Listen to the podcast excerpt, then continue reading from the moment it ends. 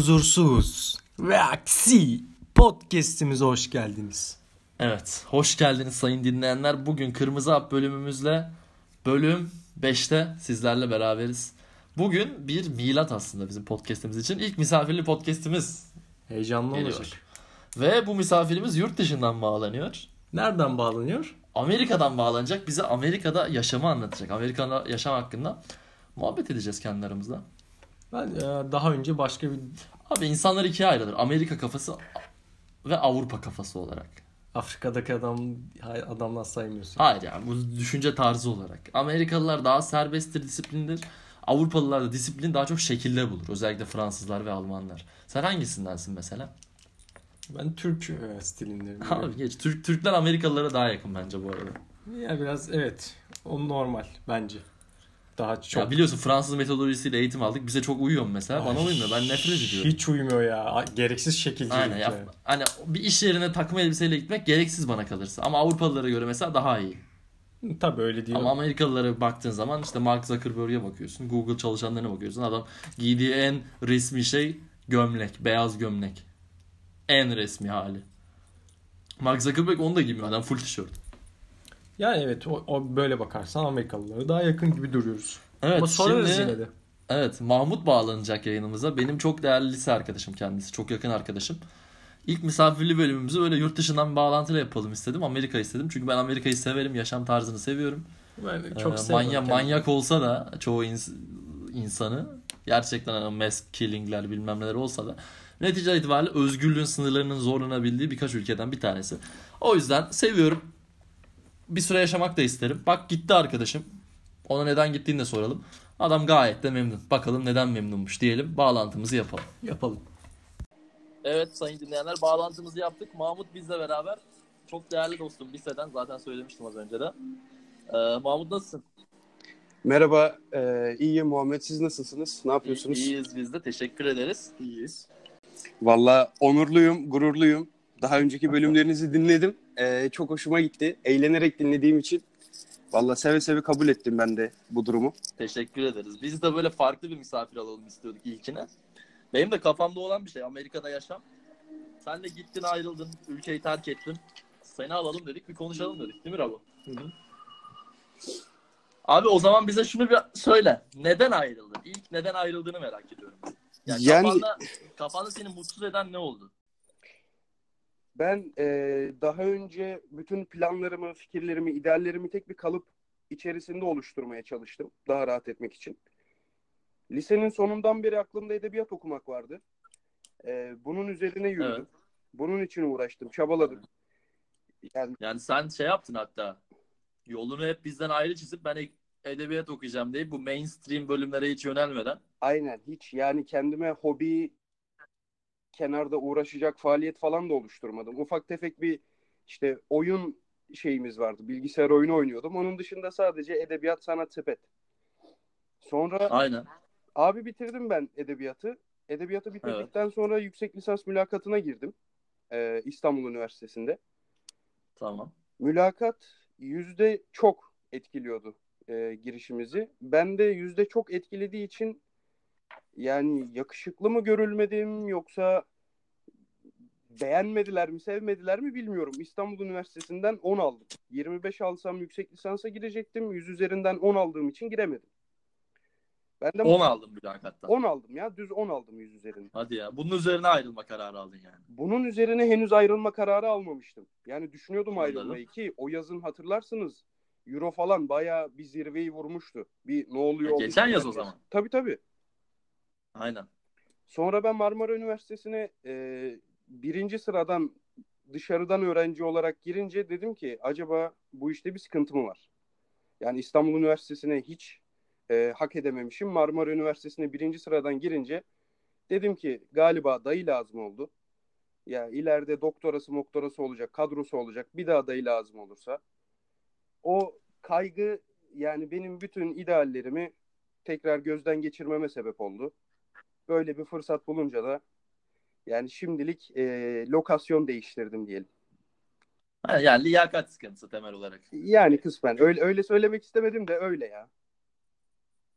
Anladım kanka. Yani haklısın tabii. çok temel bir sıkıntı. Biz de bunu yaşıyoruz ya. İş görüşmelerine gittik bir ton. Hepsinde ben yaşadım yani özellikle. Tam liyakat sıkıntısı değil ama mesela dayının olması gereksinimi burada da o sektörde tanıdığının olması. İşte kafa yapısı olarak mesela bir şirket seni işe alırken özel o işi yapabilme yetine değil de nasıl bir insan olduğunu, onlarla beraber onların hobilerine uyum sağlayıp sağlamayacağını falan araştırıyorsa orada zaten iş zıvanadan çıkmış demektir yani. Ben de öyle sıkıntılar yaşadım bu dönemde ciddi. Ya Genel olarak hayal kırıklığı mı sebep oldu gitmene yani? Ya aslında büyük bir hayal kırıklığı yaşadım. Yalan yok. Yani ben kesin gözüyle bakıyordum İstanbul Üniversitesi'nde gireceğim yüksek lisans bölümüne de. Hayal kırıklığından ziyade ben korktum. Çünkü yani ne yaparsan yap, ortalaman yüksek olsun, sınavların yüksek olsun, şöyle olsun, böyle olsun, işin sonunda hedeflediğin yere bütün gayretinin e, sergilemene rağmen ulaşamıyorsan e, o gayretin hiçbir anlamı kalmıyor. Ben de dedim Doğru, ki haklısın. Galiba e, ben bunu babamın söylediği gibi babam lisede ben edebiyat okumaya karar verdiğimde klasik bir cümle vardır ya hobi olarak yine yap. Ben Aynen. hobi olarak yine yapmaya karar verdim. Sonra memleketimizden, canım vatanımdan ayrılmış bulunuyorum. Ki sen yani hiç de öyle bir insan değildin. Ben seni yakından tanıyorum. Yani gayet Türkiye'yi seven hani ya Türkiye'yi sevmekle alakalı bir sıkıntın yok. Demek istediğim şey Türk yaşam tarzını benimseyen ve bununla mutlu olabilen bir insandın yani. Tabii tabii ben yani hala da vatanım, milletim, kültürüm, milliyetim o ayrı mevzu. Ben hala Türk kültürüne burada bile çoğu şeyim Türk kültürüne uygun yani. Yediklerim, Ya Anadolu çocuğusun yani. Ondan bahsediyorum. Şimdi İstanbul'da şöyle bir güruh var. Ee, beyaz Türk çıkışlılar. Yani adam zaten Türk kültürüyle çok benimsemeden büyümüş ve hani onun için New York veya İstanbul Fark çok etmiyor. fark etmiyor. Çünkü İstanbul'daki hayatı da New York'taki hayallediğinin bir yansıması. Tabii tabii doğru söylüyorsun. Sen öyle birisi değilsin. Sen Bursalısın, İnegöllüsün. Ya hatta benim e, baba tarafım Çorumlu. Ben bildiğin Anadolu'luyum yani. Anadolu Ona rağmen hani böyle bir çıkmaza gelip gittim diyorsun. Tabii tabii daha önce benim aklımda uzaktan yakından böyle bir fikir yoktu. Ben zaten e, değişmeyi çok seven bir insan değilim. Değişimi çok seven bir insan değilim. Bir raya oturduktan sonra o ray üzerinde devam etmeyi yeğleyen bir insandım normalde. Ama yani Anladım. çok garip bir şekilde e, pişman olmadım. Geldiğime pişman olmadım. Orada zor bir hayattan kaçmamama rağmen buraya geldikten sonra pişman olmadım. Anladım. Neredesin şu an? Ben şu an e, Maryland eyaletinin Columbia şehrindeyim. DC yani değil mi orası? Evet, evet. DC'ye yani DC, eyaletin ismi DC değil mi? Yok. Eyaletin ismi Maryland. DC sadece o Capital'ın adına DC demişler ya. Aynı Anladım. Vatikan gibi. Doğrudur. Cahil kaldık. Abi estağfurullah. Anladım. Güzel Mahmutçum. Peki bize şunu söyle ya. Benim en asıl podcast'in konusu o zaten. Türkiye'yle hatta Türkiye diye bunu geniş almıyorum. İstanbul değil mi? Daha Hı hı. çok. İstanbul'la Amerika'da yaşamanın farkları neler? İstanbul'da yaşamakla orada bulunmanın. Ya şimdi Sen İstanbul'la nasıl şeyler gözlemledin? İstanbul'la burada yaşamanın arasındaki en büyük fark benim adıma şu oldu. Ee, ben mesela İstanbul'dayken arada bir arkadaşlarımla ya şurada güzel manzara var, burada güzel ağaçlık, çimenlik var, oraya gidip otursak mı, orada eğlensek mi diye e, planlar, programlar yaparken burada yani çok ilginç bir şekilde evimin yanında mükemmel bir göl buldum. Göl kenarında oturmaya gidiyorum. 5 dakika ve arabamla gidiyorum. İstanbul'da sürekli toplu Mümkün değil. taşıması, taksisi İs- İstanbul'a güzel göl bulsan etrafında 3000 kişi seninle beraber izliyor oluyor. ya Bir günün gibi yani. tabii doğru söylüyorsun. Burada da burada da yoğunluk var ama yani koskoca kıta ne kadar yoğunluk olursa olsun ve doğaya hiç dokunmamışlar. Yani mükemmel bir park olsa bile etrafına ev yapmıyorlar. Etrafına sadece yürüyüş yolu yapıyorlar. Doğayı olduğu gibi bırakıyorlar çünkü insanların ihtiyacı var. Bunun, bunun farkındalar insanlar. Anladım. Doğru bu çok temel bir fark. Başka gözlemin var mı? Ee, onun dışında bahsettiğim araç unsuru çok farklı burada. Yani ben buraya ilk geldiğimde nasıl gideceğim, otobüs, metro, şudur budur hani Amerika diye aklımda canlandırdığımda e, New York'taki Subway geliyor yani insanın aklına. Sürekli her yere metro kullanır mıyım, otobüs kullanır mıyım? Sonra Aynen. buraya geldim. Dediler ki size bir araba alalım. Hadi dedim yani nereden çıktı daha yeni geldik. çok kısa bir süre Aynen. içerisinde çok kısa bir süre içerisinde Türkiye'de çok uzun süre çalışıp belki de alamayacağım arabayı burada çok basit bir şekilde aldılar. Söyle bakalım ne? 2008 model Honda Civic aldık. Ha, anladım. Bin- Benzin fiyatları nasıl? 1700 Türkiye'de ne dolar. kadar ya Honda Civic 2008? 1700 dolar aldık arabayı. Abi çok ucuz bedava ya. 1700 100 dolar. dolar ya araba. Saatlik ücret ne kadar orada? Saatlik ücret burada minimum 10. Minimum 10. E yine düşükmüş ya. 14-15 olan yerler yok mu? Tabii tabii 14-15 olan yerler var. Oranın maliyetleri çok fazla. Oranın giderleri çok fazla. Yani dengelemişler. Şunu fark ettim ben buraya geldiğimde. Onu söylemeden etmeyeyim. Amerika Birleşik Devletleri isimli ülke koskocaman bir şirket aslında bence. Yani hiçbir dil, din, ırk, kültür hiçbir bağlayıcılığı yok insanlar arasında. Ve bütün eyaletler bu federatif yapı sebebiyle çok rahatlar. Yani şöyle söyleyeyim belediyenin çöpçüsü bile yok. Belediye bir çöpçü şirketine parasını veriyor. Çöpçüler gidiyorlar çöpleri topluyorlar. Hiçbir iş aksamıyor abi. Anladım. E, güzel zaten öyle olması gerekiyor. Yani o yüzden rahatlar. Ee, benzin buraya ilk geldiğimizde daha ucuzdu açıkçası. 1.95'ti galonu. 4 litresi 1.95. Yani litresi 50 sent. Aynen litresi 50 sent civarıydı. Şimdi işte 60 sent Valla civarına bizi falan ilgilenmiyor. yükseldi. Biz hep 50 liralık alıyoruz. Bize, fa- bize fark eden bir şey yok yani. Yani buraya e, turist olarak değil de böyle yerleşmeye, çalışmaya, hayat kurmaya geldiğin zaman gerçekten çok farklı şeylerle, şeylerle karşılaşıyorsun. Yani Ya benim Amerika ile alakalı en sevdiğim husus şu. Ben Amerikacıyım Avrupa ile kıyasladığında. Abi dünyada ne oluyorsa Amerika'da oluyor. Şimdi Facebook çıkıyor Amerika'dan çıkıyor. Yapay zeka geliştiriliyor Amerika'da gerçekleştiriliyor. Benim sektörüm hukuk. Dünyanın ilk önemli mevzuatları oradan çıkıyor. Önemli kararlar oradan çıkıyor. Yani sen başka bir yerde yaşayan birisi olarak her şeyi geriden takip etmek zorunda kalıyorsun. maalesef. Maalesef evet doğru söylüyorsun. Bu Amerika yani Amerika ile alakalı temel argüman bence bu. Bütün yaşam kalitesi evet çok güzel. Ama dediğim gibi hani onu başka yerlerde de bulabilirsin. Yani Norveç'te de evet yaşam kalitesi güzel ama mesela Norveç bana gitmez. Çünkü hayat yavaş yani sıkılırım ben. Sıkılacağımı biliyorum. Ya, Peki, Amerika'da yaşayanlar diğer insanlara mesela Avrupa'dakiler uzaylı vesaire gibi bakıyorlar mı peki? Nasıl yani? Aç mı soruyu? yani bir, bir alien şeyi yok aslında. Yani çok garipsemiyorlar ama buradaki yani toplum anlayışı Kendileri Aryan ırkmış gibi hani bi- biz e, yönetiyoruz dünyayı. Bizim e, şeyimizde devam ediyorsunuz siz. Avrupalılar deyince hani kalıplaşmış şeyler var mı düşünceleri? Yok kalıplaşmış düşünceleri şöyle yok. En azından bulunduğum yer adına konuşayım. Bulunduğum yerde takmıyorlar abi. Yani Avrupalılar şöyleymiş, Avrupalılar böyleymiş. Zaten çoğunun e, entelektüel seviyesi o kadar yüksek değil. Hı. Yani basic yaşıyorlar, rahat yaşıyorlar. Bütün ihtiyaçları burada devlet tarafından karşılanıyor. İnsanların e, farklı bir yere iş için veya başka bir zorunluluktan dolayı göç etme durumu yok.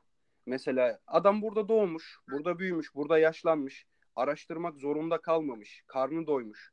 E biliyorsunuz yani insan fıtratı rahat ettiği yerde daha ilerisini isteyen bir şey değil. Bir yapıya sahip değil. Adam Ya bir de Amerikalılarda şey yok. Dünyanın geri kalanını merak etme duygusu yok. O Yok, yüzden bir yok, ön yok. yargı oluşmuyor. yok hiç hiç ilgilenmiyorlar abi. Yani Arada arada bir ilgilenmiyor yani adam. İşte onu sormaya Aynen. zaten. arada bir Dolayısıyla hani senin hakkında Türk olman iyi veya kötü bir in- bir şey uyandırmıyor adamda. Çünkü merak etmiyor, bilgisi de yok. Tabii İşte tabii üçüncü bir türmüş gibi geliyor. Yok Umrunda öyle değil. yani. Üçüncü bir türmüş gibi değil. Adam ilgilenmiyor yani. İşte umrunda olmuyor adam. Demeye çalışıyor. Ya umrunda olmaması çok normal bence ya. Çünkü abi adam burada refah seviyesi çok yüksek. Otomasyon cihazlar, otomasyon ürünler çok ucuz. Makine e, altına giren her şey çok ucuz. El işçiliği olan her şey ne kadar pahalıysa el işçiliği olmayan her şey o kadar ucuz. Adamlar çok rahatlar. istedikleri yere gidip geziyorlar. Karınları doyuyor. Yani Türkiye çoğu için ben sordum burada. Daha önce bir nabız yokladım. Nerelisin diye soranlar oluyor. Malum aksanımız var. İngilizcemiz iyi. Aynen. Ee, nerelisin diye soranlar oluyor. Türkiye diyorum. Çoğunun kafasında bir Orta Doğu zihniyeti oluşuyor. Hatta şöyle bir şey yaşadım. Bana bir şeyler Oluştu yazabilir Orta misin? Tabii tabii. Bana bir şeyler yazabilir misin Türkçe dedi. Nasıl yani dedim. Siz sağdan sola yazmıyor musunuz dedi. Arap harfleri kullanmıyor musunuz dedi. Hadi ya. İşte orada Atatürk'ü anlattım. Türkiye Benim ba- Cumhuriyeti'nin ya Amerikalı arkadaşım birçok oldu ama hiç öyle Ben daha eğitimleriyle karşılaştım tabii öyle bir durum var. Ya tabii tabii haklısın. Ben şimdi burada bildiğin esnaflık yapıyorum. Ben burada telefon tamiri, telefon aksesuarı, e, teknolojik cihaz aksesuarı satıyorum. Tornavida sallıyorum yani. Yalan yok. Burada her Abi sana şunu derler muhtemelen. Ee, işte burada okudun eğitimli iyiydin. Orada gitti şimdi telefonculuk mu yapıyorsun diye bir soru gelir muhtemelen sana. Tabii tabii çok geldi daha önce de. Aya, ayak işçiliği mi yapıyorsun orada falan diyen olur. Buna nasıl bir cevap veriyorsun? Buna şöyle bir cevap veriyorum. Ee, buraya gelmeden önce yani ben dediğim gibi çok değişim yanlısı bir insan değildim ve bu hayatımda verdiğim en radikal karar. Aynen o doğru. yüzden o yüzden e, buradaki durum benim açımdan şu. Geldim buraya bir tane hayatım var. Ben bu hayatımı huzurlu yaşamak istiyorum, mutlu yaşamak istiyorum. Ben edebiyata gönül verdiysem eninde sonunda buna döneceğimin farkındayım. Hı hı. E, o vakit gelene kadar biraz rahat etmek istiyorum abi. Ben rahatım yani. Anladım. Peki dönüş planın var mı? Kalmak istiyor musun? Dönüş planım var. Dönüş planım şöyle var. Bahsettiğim gibi az önce hedeflerim var bazı hedeflerim. Onları tamamladığım zaman dönerim ama bunlar da kısa vadeli hedefler değil gibi şimdilik. Yani yaklaşık bir 5-6 senem var gibi duruyor en az. Ha, orada para biriktireceğim diyorsun. E, yani. tabii tabii. Yani burada e, para biriktirmem lazım. İşte iş fırsatlarını kovalamam lazım. Girişimcilik yapabilirsem girişimci olmam lazım. Burada fırsat çok biliyorsunuz haklısın. yani siz de biliyorsunuz. Burada fırsat çok fazla. Evet doğru haklısın. Ya bir de şöyle bir durum var. Eskiden Türkiye'de yaşayıp iyi üst kalite iş yaparsan Amerikanlıların orta gelirli bir gelirine sahip olabiliyordun.